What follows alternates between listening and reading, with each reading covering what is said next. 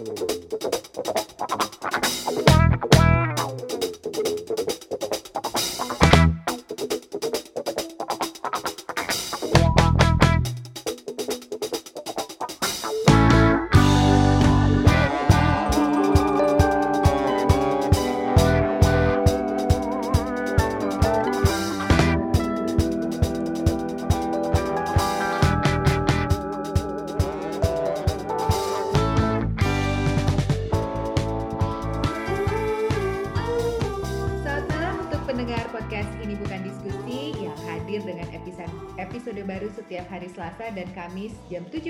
Waktu Indonesia Barat.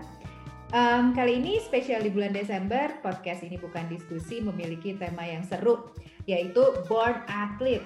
Tujuannya adalah buat tahu gimana sih caranya merintis karir di dunia keatletan dan juga cara menjaga ritme antara latihan dan sekolah.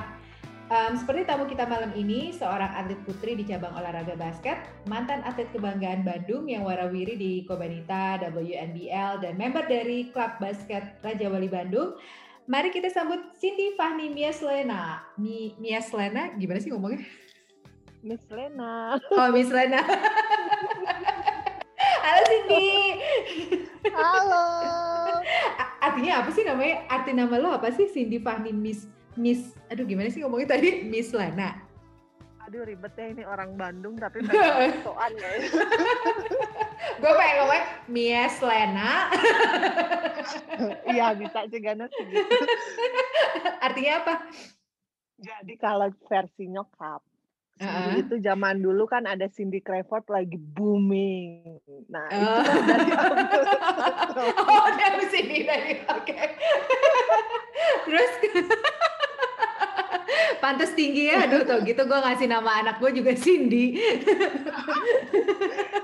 Terus kalau Fahni kalau Fahmi karena lahirnya ha- di Kamis Fahing jadi Fahmi. aduh gue pengen pakai bahasa Sunda. Lebih lucu kayaknya nempelinnya atau mama mending gini bisa ngasih nama. Terus? Terus Ya, kasih itu Miss, Lena Lena kan hari Kamis lahirnya. Terus ditambahin aja Lena kayaknya dari kakek deh kalau nggak salah Lena. Jadi Miss Lena ya disambung-sambung. jadi Cindy Crawford Kamis Pahing sama nama kakek di dikasih sama kakek, dikasih sama Oh, kakek bukan dikasih. nama kakek. Eh, Lena artinya apa ya Lenny gue Tak tahu terang apa. ya udah yuk lanjut Em, sini eh, kurang olahraga ya pertanyaannya. Sini sini kan tinggi ya berapa sih 177 ya? Iya, 177. ada nggak sih yang ngajak Cindy untuk serius di cabang olahraga lain sebelum akhirnya jatuh cintanya sama basket zaman dulu tuh? Aduh, gimana ya dibilang jatuh cinta sama basket juga awalnya enggak, itu juga oh enggak. maksa. siapa yang maksa? Eh, aduh, jadi kan kalau orang tuh sebenarnya kalau born to be athlete itu kan dari SD kayaknya udah ya kalau apalagi zaman sekarang anak-anak sekarang kayak dari TK dari SD udah ekskul banyak. Cuma kalau zaman dulu kan belum kayak Tiger Mom zaman sekarang nih orang tua jadi ya culken aja bebaskan gitu mau apa Eh. anak di sekolah.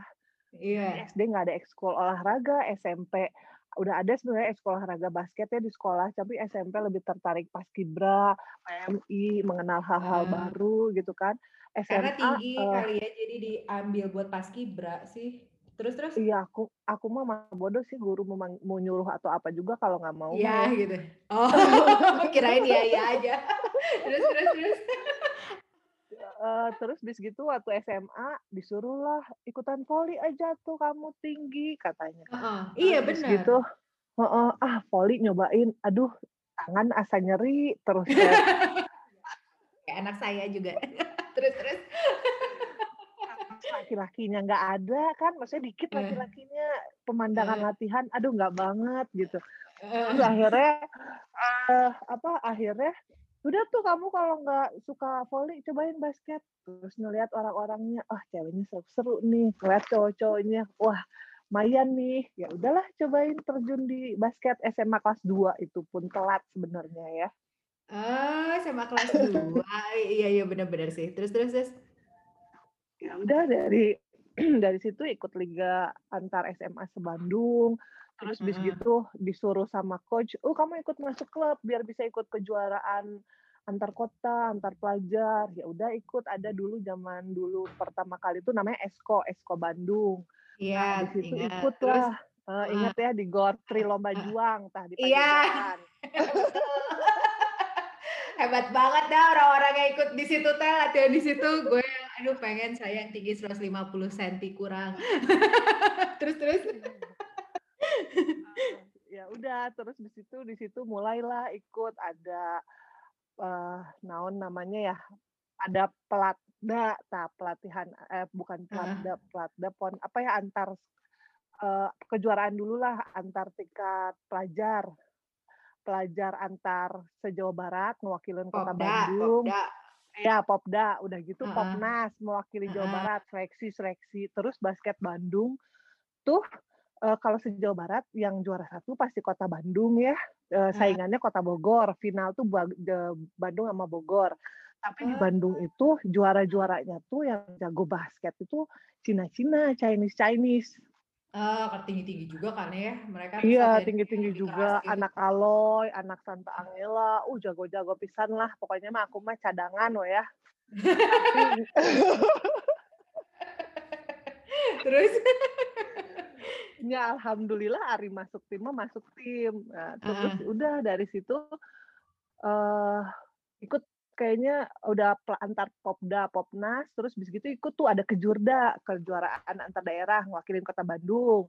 Udah Mhm. gitu eh kot- yang final siapa kan nanti ada seleksi lagi tuh sama Perbasi Kota Bandung sama eh, tingkatan udah Kota Bandung sama eh, provinsi diseleksi masuk lagi lah eh, PON kejur eh, untuk PON eh, mewakili Jawa Barat. Ah, Nah, oh sempat pon juga, gue nggak tahu. Terus terus terus. Iya, alhamdulillah aku bisa ikutin dua generasi nih. Ponnya aku ikut dua kali, tahun 2004 Ah, sama ah. 2008. Oh, Jadi kan gitu. pon itu kan di range umur ya, ada batasan umur kan. Nah, Ah. umur aku tuh masuk nih untuk yang kedua kalinya, makanya bisa ikut dua kali gitu. Oh, jadi pertama kali mulai serius basket sebenarnya karena eh, banyak Disuruh. pemandangan laki cowok-cowok juga Iya, ya membantu gitu ya. benar. Heeh, benar. Terus udah gitu. Orang tua gimana pas tahu Cindy eh pas Cindy bilang ah aku mau serius di basket gitu pas zaman SMA kelas 2 itu apa cenah kata orang tua eh, apa cenah ini Sunda banget sih apa kata orang tua Cindy mereka Jadi- gimana gitu tanggapannya Jadi ya kalau mama papa aku mah orangnya nggak pengen anaknya berprestasi kayaknya ya dalam hal Oh. olahraga. terus terus terus. Jadi sebenarnya mereka juga nggak yang bukan tiger mom, tiger dad yang nyuruh anaknya harus prestasi di sekolah juga enggak sebenarnya. Cuma mereka tuh menekankan tugas kamu itu adalah belajar, belajar, belajar, nggak usah aneh-aneh. Oh, Eh, jadi basket aneh ya Mah ya. Ya. Mah tuh lah Mah masuk pon ini teh. Terus terus terus. karena takut ngeganggu pelajaran kali ya. Iya benar. Eh, sebenarnya aku juga nggak bodoh-bodoh banget, nggak pinter juga, jadi standar aja. Standar. Gitu. jadi maksudnya nggak nggak mereka nggak perlu sampai takut karena aku basket terus jadi blow on gitu. Nah, tuh ketinggalan banget di sekolah. Heeh. Gitu. Sebenarnya sih nggak bikin gitu juga. Heeh. Cuma ya mereka nggak mendukung. Jadi aku nggak pernah tuh ditonton sama orang tua tiap kejuaraan. Jadi Ah, aku serius? cuma eh, serius mereka nggak pernah nonton aku Pas Enggak, pon juga enggak. Kan ponnya juga pertama di Palembang, pon 2004 itu di Palembang. Pon Ah. 2008 itu di Kalimantan Timur di Samarinda. Eh, ya mereka nggak Oh. mungkin sengaja ada sih beberapa parents paling satu dua tiga yang Ah. nonton sengaja Ikut, pergi terbang gitu ya. Atau Ah. nggak setidaknya datang latihan lah pernah sih gitu. Aduh, kenapa jadi sedih? Terus aku bisa berprestasi tanpa support. Tua, iya, ge- gila. Terus terus terus. ya udah mereka cuma tahu dan kebetulan aku pun gede di gede sama nenek jadi tinggal sama nenek dan nenek aku juga bukan nenek-nenek hebring yang suka ngimpilin mana latihan di mana nganterin atau apa tapi dia cukup laporan mah eh aku manggilnya emah ya nama nenek aku Heeh. mah eh, jadi ada latihan ya habis ini habis sekolah. Jadi nanti latihan sampai jam 8. Kan latihan biasanya kalau uh, latihan basket itu jam 6 sampai 6 maghrib nih sampai jam uh. 8 atau sampai jam 9. Jadi cuma uh. cukup izin aja nanti pas mau kejuaraan ngomong mau tanding di Cirebon, mau tanding nanti di Jakarta, mau tanding nanti ada apa uh, ada tanding di Solo gitu-gitu doang aja cuma ngomong izin doang. Ah, kalau tinggi orang tuanya Cindy berapa sih? Uh, sama ade atau kakak ada uh, ada berapa orang? Itu sama-sama tinggi-tinggi semua atau gimana? Jadi uh, mama papa aku tinggi, tapi aku lebih tinggi. Mereka mungkin 172, 175 mungkin ya. Uh-huh.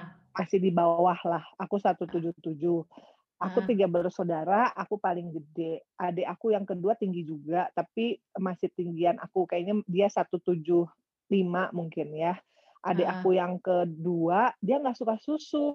Nah nggak tahu ya maksudnya masih pemikiran zaman dulu jadi nggak suka susu nggak suka keju nggak suka dairy produk lah. Jadinya dia pendek sendiri. Gue suka susu suka dairy suka semua. Kenapa pendek nggak valid itu researchnya. Terus itu terus pernah kepikiran pernah di kepikiran jadi model nggak sih kok zaman zaman kita kecil gitu? Uh, kalau tinggi kayaknya oh bisa jadi model femina misalnya atau jadi model thing apa ya gadis majalah gadis majalah mode. Nah sempat kepikiran nggak? kan bukan kepikiran aku kan lagi jalan-jalan mau bimbel nih zaman sekolah teh ya zaman SMA uh. mau bimbel atau zaman SMP pokoknya antara antara itu berdua antara SMP uh. kelas 3 atau SMA masih awal-awal lagi uh. jalan kaki kan rumah teh rumah nenek di tengah kota ya alhamdulillah uh. jadi ke mana tuh tinggal jalan kaki uang uh. Uh, uang buat naik angkot bisa buat jajan gitu sebenarnya uh. pas lagi jalan pas lagi jalan kaki teh ada orang aku lupa cewek atau cowok nyamperin dari agensi model gimana tertarik nggak gini-gini ngasih kartu nama ngasih uh, ya presentasi gini-gini uh. terus uh, kalau tertarik uh, nanti ikut audisi masuk ke ini ke agensi kita gitu terus bis gitu oh iya iya aja lah biar cepet ya yeah. terus dia minta dia minta nomor rumah aku kasih uh. zaman dulu mah kan masih nomor telepon rumah telepon kan? rumah iya benar uh -uh. terus sialnya lagi ya maksudnya emang nggak jalani juga ya pas nelpon uh. si papa ada di rumah ada di rumah nenek tuh tambah nggak setuju ya oh, udah mau jadi atlet basket tuh jadi oh, model kenapa kamu langsung nomor telepon ke orang lain dia ngomong dari agensi model gini gini gini nggak ada uh. model modelan jadi si papa masih berpikir aduh jadi artis jadi model tuh pergaulan bakal kacau gitu loh. Yeah, jadi udah uh, dikata uh. aja. jadi kagak ya udahlah ya lanjut aja basket lagi. Pertamanya kepikiran jadi esko itu gara-gara pelatih di sekolah atau gimana? Kenapa bisa pilih esko terus akhirnya ke Raja Wali? Uh, jadi ke Esko itu karena coach uh, di SMA 2 juga Maswin namanya ya almarhum udah meninggal dia hmm. juga pelatih uh, di Esko, salah satu pendiri atau pelatih lah uh, hmm. di klub basket Esko. Kalau aku pindah Raja Wali uh, itu hmm. karena misal udah ikut ke Jurda, uh, udah ikut ke Jurnas, uh, udah pon oh. atau ya kayaknya udah ikut pon deh pon pertama terus bis gitu baru ada coach Apin, ko Apin sih aku manggilnya, ada ko Apin, ada si uh, Cicing Cing salah satu anak pendirinya dari Raja Wali Bandung ngeliat uh, Sin hmm. ikut latihan deh uh, Raja Wali nanti hari ini coba datang ya kayak gitulah terus bis gitu hmm. ya udah uh, pas aku lagi pon itu pelatihnya tuh kok Apin jadi dia tuh uh, coach uh, pon itu dia coach Raja Wali juga oh, ya udah coach... tarik gitu pas coach Gimana? pon itu training campnya di Bandung berarti ya kalau Jawa Barat Iya, kalau Jawa Barat di Bandung. Di Bandung. Uh, di Bandung. Itu ada berapa orang satu tim Jawa Barat waktu buat basket perempuan pada saat itu? Uh, kan disaling-saling sebenarnya proses seleksinya banyak. Terus bis itu hmm. kalau pas lagi diseleksi juga yang ngelihat bukan coach, as coach, ada juga dari pihak perbasi. Jadi maksudnya kayak ada board membernya lah yang ngelihat. Kita tuh hmm. disaring, aku lupa jadi dari berbagai kota, kabupaten kota di Jawa Barat, terus disaring, terus bis hmm. gitu uh, sampai best uh, 20 lah, top 20, tapi hmm. nanti yang pergi, yang masuk tim 15 orang aja. Jadi 12 bisa main, tiga orang cadangan kayak gitu sih sistemnya. Oh, aduh capek pisan ya. Itu berapa lama prosesnya dari 20 jadi 15 teh? Mmm, dua dari 20 ke 15 sih nggak begitu lama, paling hitungan 2 sampai 3 bulan doang. Cuma emang capek latihannya kalau udah, eee, udah masuk tim PON nih misalnya, terus bis gitu tuh nanti dikasih kedua kalau ada yang udah kuliah, ada yang masih SMA juga waktu pas itu ya, yang SMA kayaknya Mhm. cuma 1 orang sih, si Ling-Ling doang. Mhm. Terus bis gitu, Itu latihannya pagi, sore gitu. Iya, sehari bisa 2 kali, bisa 3 kali kalau ada disuruh nge-gym. Oh, paginya jam berapa, sorenya jam berapa? Eh, dari jam berapa sampai jam berapa? Eee, kalau ingat. jadi nanti si coach-nya kayak bikin, eee, jadwal gitu, nyesuaiin sama Mmm. kita. Misalnya, "Kok nggak bisa hari ini ada eh, jam segini ada kuliah, ya udah kamu bisanya jam berapa?" Gitu. Tapi kalau pagi buat syuting-syuting, biasanya pagi tuh syuting-syuting sih dari jam 6 atau 5.30 Alah, sampai jam siang 7, 5.30. sampai 7.30. Iya, Habis pagi-pagi itu banget kan. kuliah, habis itu latihan lagi, gelo. Terus? Itu tuh kita di mes gitu, kita di mes, mesnya di belakang Gor Ah. Pajajaran ada, jadi dikumpulin bareng gitu. Oh. Oh, jadi barengan terus ya, semuanya ketemu terus. Jadi itu Heeh, ya ya tem tapi maksudnya apa? teman-teman teh berarti di mereka ya sahabat-sahabat pas zamannya lagi Heeh, iya. Iya, pisan. gitu. Pisan. Eh, kalau klub Raja Wali latihannya di mana? Di Trilomba Juang juga? Di belakang Gor Pajajaran yang gedean. Oh, Jadi gitu. kan Trilomba Juang kan yang depan tuh, itu lebih kecil untuk, eee, untuk penontonnya kan. Kalau yang Gor Heeh. Pajajaran yang belakangnya, yang penontonnya lebih banyak. Si Raja Wali Bandung saudaraan sama Raja Wali Sakti Surabaya apa enggak? Teu beda. Oh, kenapa namanya sama ya? Maksa. Eee, mungkin nggak ada hak paten sama Raja Wali, jadi belakangnya dibedain. Bener bener. Terus ya sini, kan, mmm, kalau main Popda, Popnas, Kejurda, Kejurnas, PON, itu kan sebenarnya nggak terlalu diliput TV ya.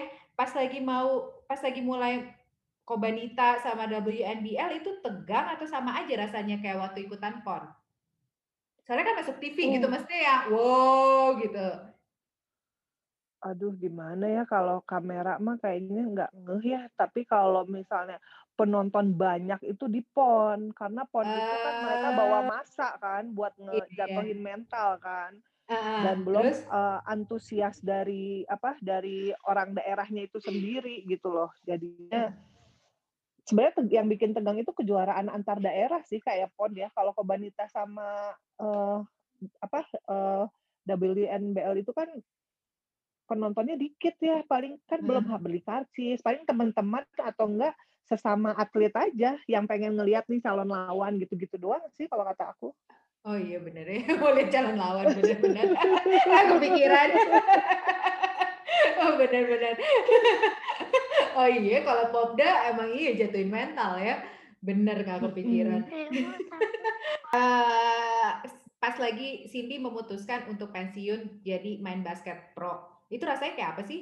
Latar belakangnya apa yang memutuskan Cindy, "Ah udah deh, eee, karir basket gue sampai saat sampai sini aja dulu, karena gue lebih antusias ngejar karir yang lain," misalnya. Itu pas kapan dan kenapa? Eee, pas kapannya, pertama sih seiring waktu ya, kan udah PON udah lewat nih, terus paling cuma Heeh. tinggal, pertandingan kayak ja jadi kan batas umur tuh, semua kejuaraan itu kan ada batas umur, kecuali kalau kayak Khobanita sama WNBL sih itu nggak ada batasan umur, jadi mau udah senior banget pun bisa. Nah terus Mhm. habis gitu, aku kan waktu pas lagi PON yang kedua kali itu udah kuliah, udah, eee, selesai kuliah, udah mau kerja, mau hijrah ke Jakarta, tapi Mhm. sempet ngerasain ini juga sih, sempet ngerasain pelatnas, seleksi pelatnas-lah, seleksi pelatnas sempet di Mhm. Jakarta, eee, berapa bulan ya, 2 bulan, 3 bulan lah ya, di di mes juga, di hotel Century Athlete tuh, tapi Heeh. belakangnya, hotel Century belakangnya Athlete. Nah mes juga. Terus? Eee, itu di mes tuh pas lagi, belum kerja sih. Ya udah kayaknya, eee, seiring berjalannya waktu, jadi pas udah kerja di Jakarta juga sempet udah punya anak, terus kan, "Mau Mhm. main nggak?" Gitu, eee, Mmm. apa, "WNBL mau nggak main nggak? Mainnya di itu kok, di GBK," gitu, "kamu juga dari habis pulang kerja jadwalnya juga sore, jadi bisa." Ya Heeh. gitu doang sih kayaknya. Jadi ya karena udah berjalannya aja waktu kali aja. ya. Mhm, iya udah saatnya sih. aja. Coba buat uh, anak-anak yang masih baru umur belasan tahun ya, kasih tahu apa bedanya Kobanita sama WNBL. Oh, jadi bedanya ada beda penyelenggara aja sayang. Kalau WNBL itu WNBL Intinya mah sama aja orang-orang. Iya, penyelenggaranya itu DBL. Kalau Kobanita itu kayaknya ngadain perbasi sendiri deh, cuma dari sponsor-sponsor beberapa. Terus bis gitu antusias dari penonton pun kalau zaman dulu beda Ah. sama eh, penonton eh, Kobatama atau NBL. Jadi kalau yang pertandingan cewek itu kan biasanya kalau kalau digabung bareng eventnya sama cowok, cewek tuh biasanya pagi, siang gitu. Cowok baru yang masaknya banyak tuh sore, malam. Jadi Ah. makanya Betul. tadi aku bilang eh, kurang semarak lah gitu. Beda ya ya. Terus sekarang Cindy olahraganya apa? Masih ada hubungannya nggak sama latihan basket? Sama basket-basketan? Masih syuting-syuting gitu atau beda banget sekarang olahraganya? Eh, nggak beda banget sih enggak. Basket aku masih suka. Ada klub Mm. juga di Jakarta namanya klub C- CSP, cewek-cewek Sabtu pagi. Itu pensiunan. Soalnya dulu, saya dulu namanya cewek-cewek Sabtu malam ya CSM. nah, terus terus. Ah, ini pensiunan itu- atlet-atlet pensiunan basket. Iya, yang di Jakarta atau yang orang daerah tapi lagi pada kerja di Jakarta gitu. Pasti ngumpulnya di situ. Kita dulu di Hall C, di GBK di Hall C. Sekarang Hall C-nya udah nggak ada. terus Terus eh, terus eh, di kantor juga suka ada kayak acara 17 Agustus atau hari bakti kayak hari ulang tahunnya kantor itu ada event olahraga juga semua cabang. Nah terus kebetulan eh, di kantor aku eh, pimpinannya tuh nggak mau ada acaranya tuh di kantor jadi dibikinlah lapangan basket di rooftop paling atas gedung gitu eh, outdoornya di atas. Oh, Jadi baik. ya lumayan seru sih. Jadi kita ah, antar sesama kantor, eh sesama rekan kantor gitu-gitu. antar divisi kali ya. Terus yang. Cindy paling ingat tuh dari latihan yang bisa diterapin ke pekerjaan apa? Maksudnya kan soalnya kalau sampai atlet atlet itu menurut gue ya disiplinnya harus tinggi. Terus harus nurut sama eh, pelatih mau nggak mau lah, mau pelatihnya enak, pelatihnya nggak enak, tapi kan harus percaya ya. Udah gitu percaya sama timnya juga. Berpengaruh nggak sih buat pekerjaan Cindy saat ini? Pernah jadi atlet, pernah ikutan regimen latihan yang sangat apa ya sangat menderita kali ya atau seru? Sebenarnya kalau zaman dulu sih menderita banget ya. Harus Eh. ngikutin peraturan jam segini udah di lapangan, jam segini udah selesai, Iya, jam segini heeh. eh, masa- ya heeh lah. Eh, yang ngaruh mungkin disiplin waktu pertama. Mm-mm. Kedua eh, sebenarnya jiwa kerja keras tuh tergantung orangnya. Aku nggak begitu aku nggak begitu ngoyo sih tipenya. Terus bis Mhm. gitu kerja kelompok mungkin ya, kerja biasa di tim karena basket kan bukan olahraga individu, beda banget Iya. gitu spiritnya. Kalau misalnya kita tuh Betul. eh, yang main di lapangan tuh udah di lima orang nih, ada satu aja yang ngeblank atau yang bad mood atau yang tegang, ya bisa kacau lah, bola bisa diambil orang gitu sama tim lawan gitu. Jadi ya teamwork mungkin ya sama Iya, disiplin waktu mungkin yang bisa diterapin sekarang. Nggak, iya. Saking disiplinnya sama waktu, anaknya sampai tiga ya. kurang tantangan. Anak satu kurang tantangan. Tambah lagi.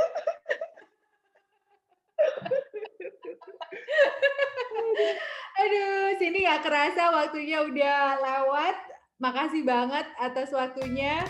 Terus yang bisa gue dapetin sih ya buat malam ini kayaknya eh, pengaruh dari latihan Popda, Popnas, ikutan kejuaraan nasional, kejuaraan daerah, akhirnya bisa ikutan PON dua kali berturut-turut, membantu banyak untuk karirnya Cindy dari disiplin waktu, jiwa kerja keras, kerja kelompok kerasa banget karena memang basket teamwork sih ya, nggak sendiri, jadi emang butuh bantuan orang lain buat bisa berkembang. Terus jadi berpengaruh sama disiplin waktu. Menurut gue ini informasi-informasi yang kita suka lupain kalau misalnya kita ngedidik anak kita buat konsekuen sama menjadi atlet ya harapannya masa depannya kayak gitu kali ya.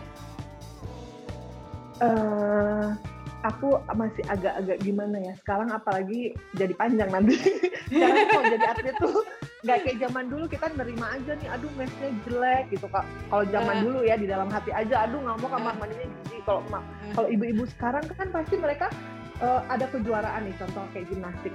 Kita uh, parentsnya ngemodal sendiri nih nerbangin anak bayar biaya pendaftaran. Kalau dulu tuh kita ngikutin gratisan dari pemerintah aja dari perbasi dari dinas olahraga. Jadi semuanya apa adanya aja. Beda sama kayak atlet zaman sekarang. Sebenarnya kalau Tiger Mom atau orang tuanya ini sih ya bisa melalui jalur kayak jalur khusus secara tidak langsung ya bisa ngemodal sendiri gitu loh nggak usah ngikutin Jadi fasilitas dari pemerintah. Kuturan duit kekuatan waktu benar oke deh kalau gitu. Makasih ini atas waktunya senang banget. Terus banyak informasi yang bisa dijelasin lagi ke anak-anak semuanya. Semoga berguna dan salam sehat selalu. Terima kasih. Terima kasih sama-sama. Bye bye